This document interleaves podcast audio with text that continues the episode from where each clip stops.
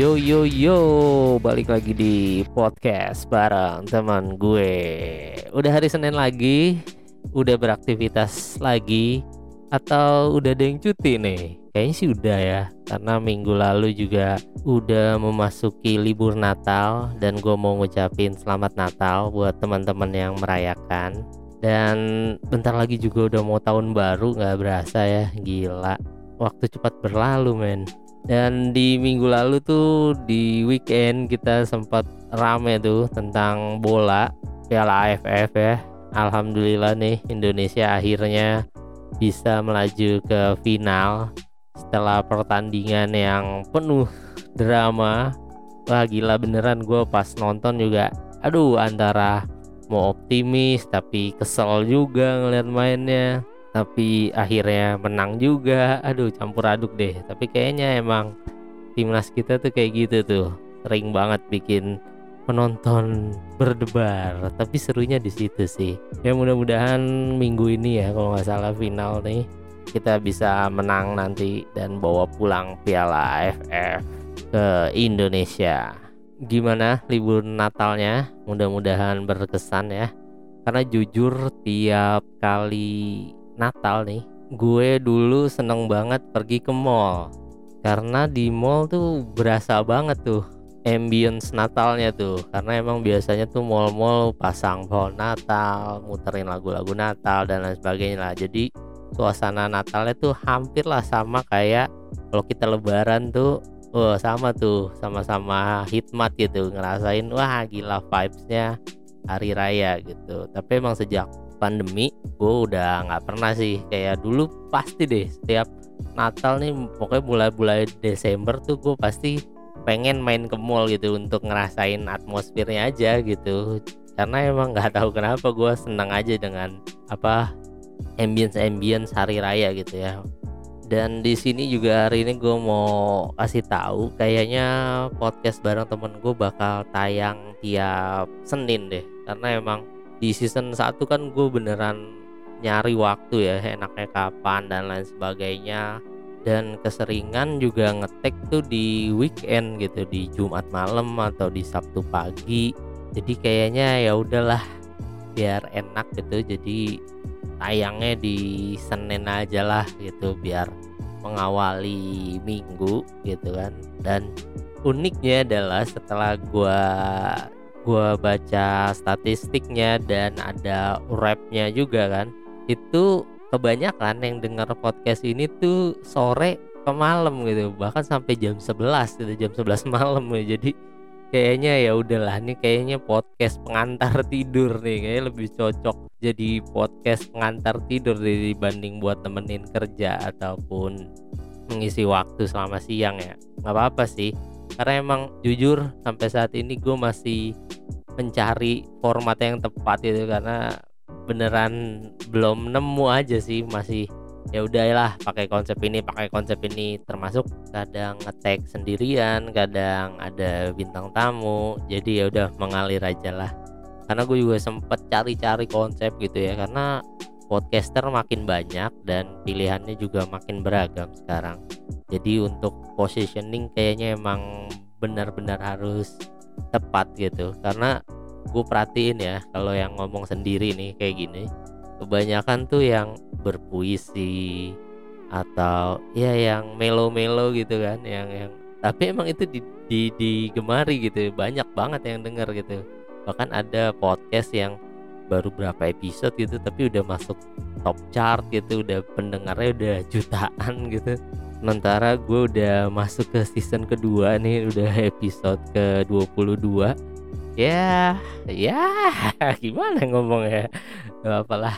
Yang penting niatnya sih emang niat bikin podcast gue kan ya udah buat berbagi info aja berbagi pengalaman itu jadi ya dinikmati aja prosesnya.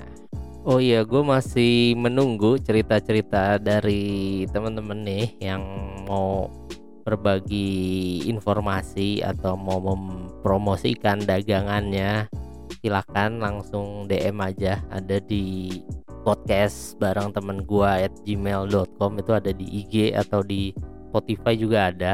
Jadi yang mau cerita apa aja bisalah langsung kirim aja ke situ.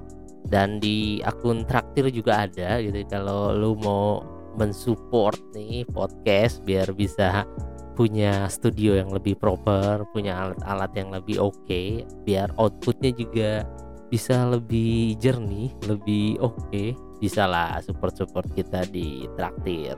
Dan sempat gue bilang tadi di awal bahwa kita sudah memasuki minggu-minggu akhir nih di tahun 2021 gitu, yang ternyata tidak banyak berubah, khususnya soal pandemi kita masih aja dihantui sama pandemi ya. Mudah-mudahan sih tahun depan beneran udah bisa bebas. Dan ngomong-ngomong soal tahun baru masih pada suka bikin resolusi gak sih? Kayaknya udah enggak ya. Orang kayaknya udah yang males gitu karena percuma juga bikin resolusi ujung-ujungnya. Nggak dijalanin juga jadi ya udahlah buat apa tuh resolusi resolusi dan kalau dulu juga sering banget ada kaleidoskop gitu kan. Kalau akhir tahun tuh peristiwa-peristiwa apa tuh dari Januari Februari sampai Desember kayak sekarang juga gue udah nggak ngelihat tuh hal-hal kayak gitu tuh. Jadi zaman berubah kebiasaan juga berubah. Jadi ya udahlah kita nikmati saja. Lagi-lagi nikmatin aja dan banyak juga pasti yang udah merencanakan libur Natal dan Tahun Baru. Karena tadinya kan bakal ada PPKM Nataru ya. Dan gue juga baru tahu tuh singkatan Nataru tuh ternyata Natal dan Tahun Baru. Asli gue pikir apa gitu ya tadinya. Cuma pas kemarin gagal gitu akhirnya gue baca-baca oh Nataru tuh Natal dan Tahun Baru. Asli Nora banget tuh karena emang nggak pernah sih dengar kata-kata itu tuh eh baru juga ya kan istilah baru gitu. Emang banyak sih bergeser kayak kayak waktu itu. Kalau kita liburan ya biasanya ngomongnya liburan gitu. sekarang udah ada tipenya gitu ada yang healing self healing apa staycation. Ah banyak banget gitu. Jadi suka-suka kalian aja mau pakai kata atau kalimat yang mana dan setiap orang juga pasti punya tradisi nih tradisi malam tahun baru ya. Ada yang bakar-bakaran itu udah pasti sih kayaknya semua orang melakukan itu gitu. Bakar-bakaran atau bahkan lu gue lupa tahun berapa ya. Gue jalan sama temen gue muterin jalan tol. Asli beneran itu salah satu momen malam tahun baru yang aneh sih menurut gue karena pada saat itu beneran mau ke tempat-tempat keramaian tuh udah penuh orang gitu dan wah parkirnya jauh dan lain sebagainya. Akhirnya berakhir dengan muterin jalan tol dan berhenti di tengah tol gitu dan ternyata bukan gue juga gitu banyak juga gitu orang-orang yang melakukan hal yang sama gitu. Gue lupa itu tahun berapa pasti teman-teman gue inget sih. Itu emang jadi salah satu momen malam tahun baru yang sampai sekarang tuh pasti keinget terus gitu. Kalau kalian apa nih? Pasti punya uh, satu momen tahun baru yang wah nggak akan terlupakan ya. Dan ngomong-ngomong soal tradisi tahun baru ya tadi gue juga sempat baca nih di CNN Indonesia nih. Ada ternyata ada 10 tradisi unik merayakan tahun baru di berbagai dunia. Kita coba baca ya. Yang pertama ada festival Songkran di Thailand Berbeda dengan pergantian tahun Masehi, masyarakat Thailand tuh yakini kalau tahun baru tradisional mereka tuh jatuh pada bulan April, bukan Desember ya ternyata. Masak, memasuki tahun baru, Thailand menyelenggarakan festival Songkran selama tiga hari. Festival yang dianggap penting ini dilakukan dengan saling mencipratkan, menyemprot, dan menyiram air kepada siapa pun yang ditemui di jalan. Nah, nih buat lo yang ke Thailand bulan April ya lo siap-siap lo kalau tiba-tiba di tengah jalan lo diguyur air gitu.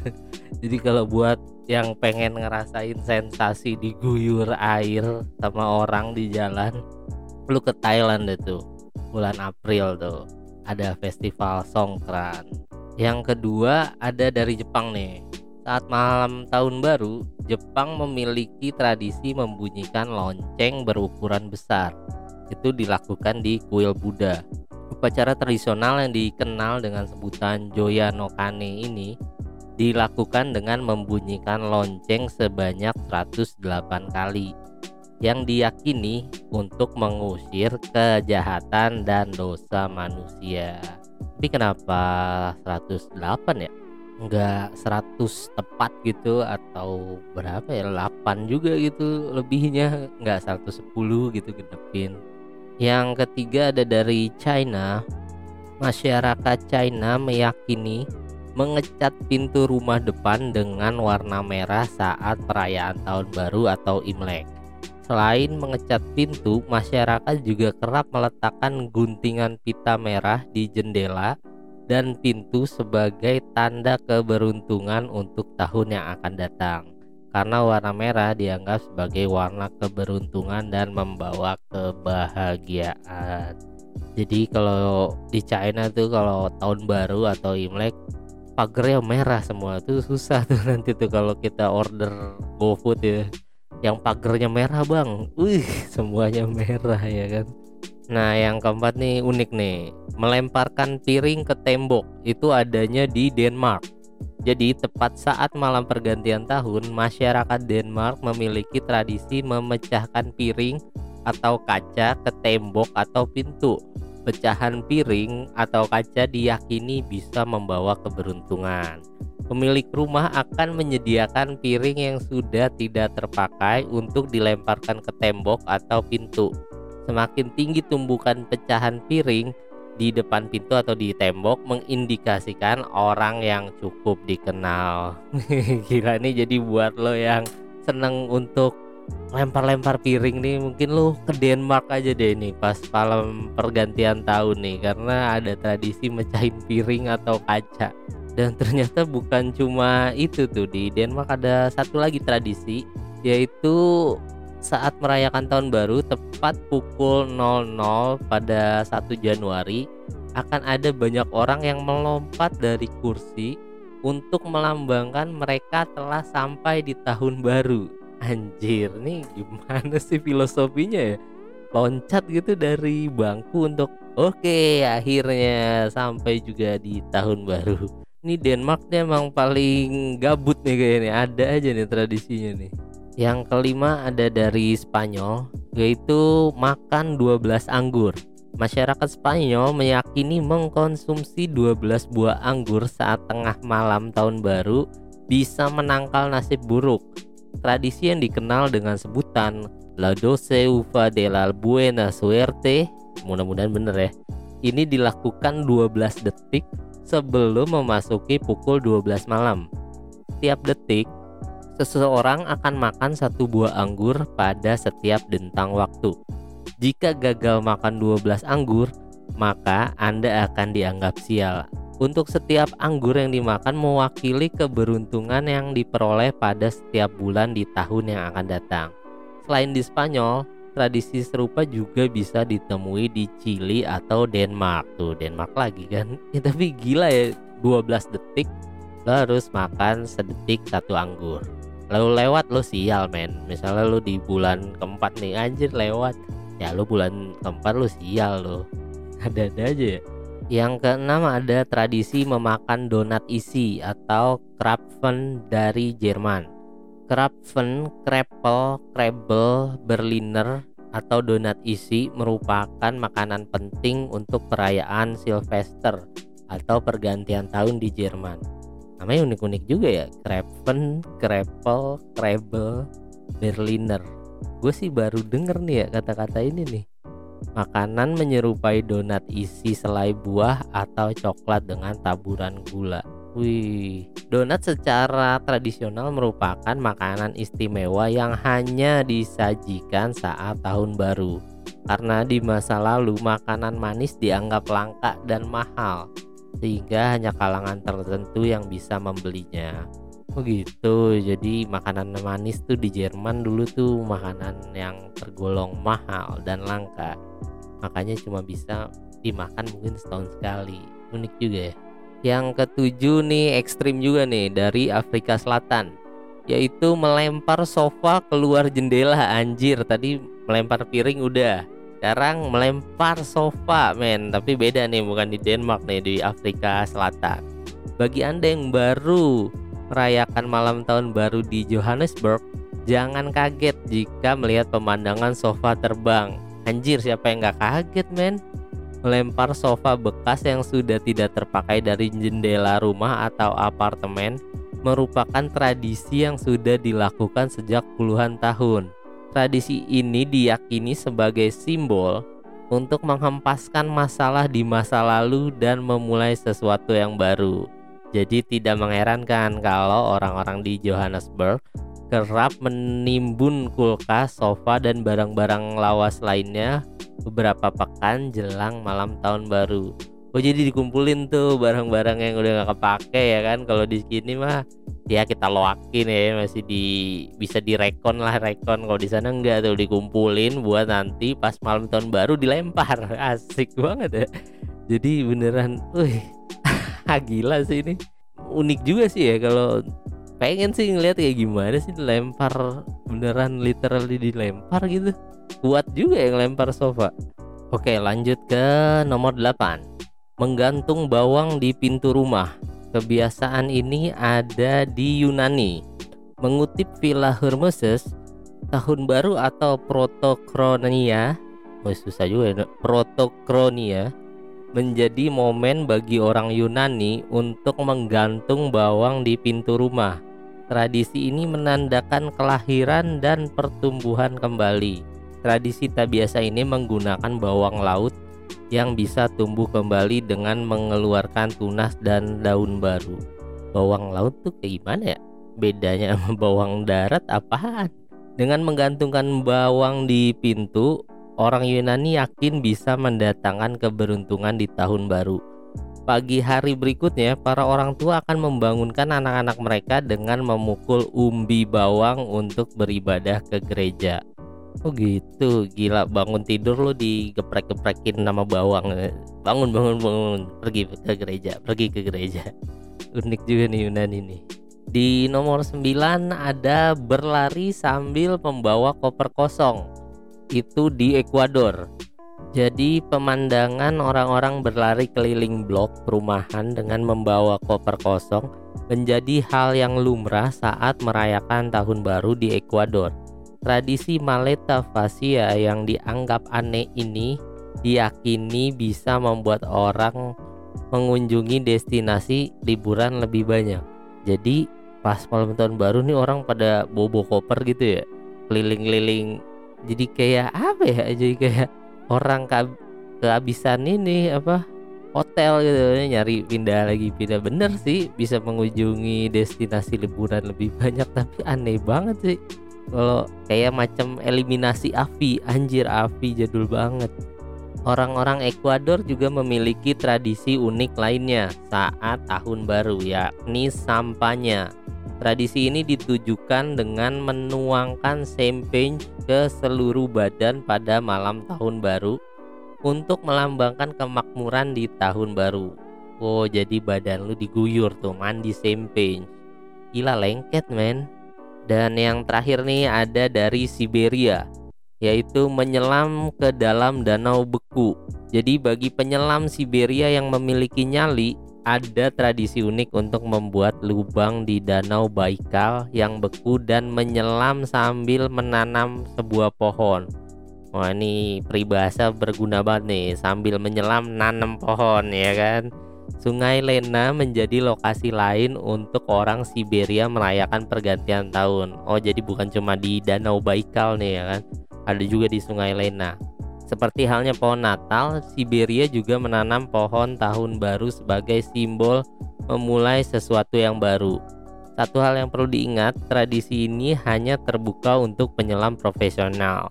Ya iya sih, siapa juga yang mau nyelam di danau beku gitu atau di sungai beku. Kalau nggak yang emang punya nyali bener. Oke lah jadi itu tadi 10 kegiatan ah bukan 10 tradisi unik merayakan tahun baru di seluruh dunia sebenarnya bisa dilakukan nih semua nih ya kan? Coba aja nih dari pecahin piring lempar koper. Jadi kalau lu gabut nih di malam tahun baru lu coba aja tuh. Lu baca nih artikel dari CNN lu coba tuh makan anggur tuh. Bisa tuh makan anggur tuh. Jadi 12 detik sebelum hitung mundur lu makan anggur sedetik. Satu satu satu atau lu tadi pecah-pecahin piring tuh kan kalau lu emang sambil melampiaskan dendam gitu kan. Paling tetangga lu kepo nih berantem apa gimana nih? Sama bobo koper gitu ya kan lu geret-geret gitu kan kayak tereliminasi. Jadi seru-seru sih ya. Jadi penasaran sih gue mudah-mudahan punya rezeki nih untuk ke negara-negara ini nih pas tahun baru ya. Mau bukti ini bener gak sih ini tradisi-tradisi ini emang ada gitu kan. Kalau beneran wah gila keren ya. Oke lah sekian untuk episode kali ini. Mudah-mudahan di minggu depan bisa menyajikan episode yang lebih baik lagi. Sampai jumpa di episode selanjutnya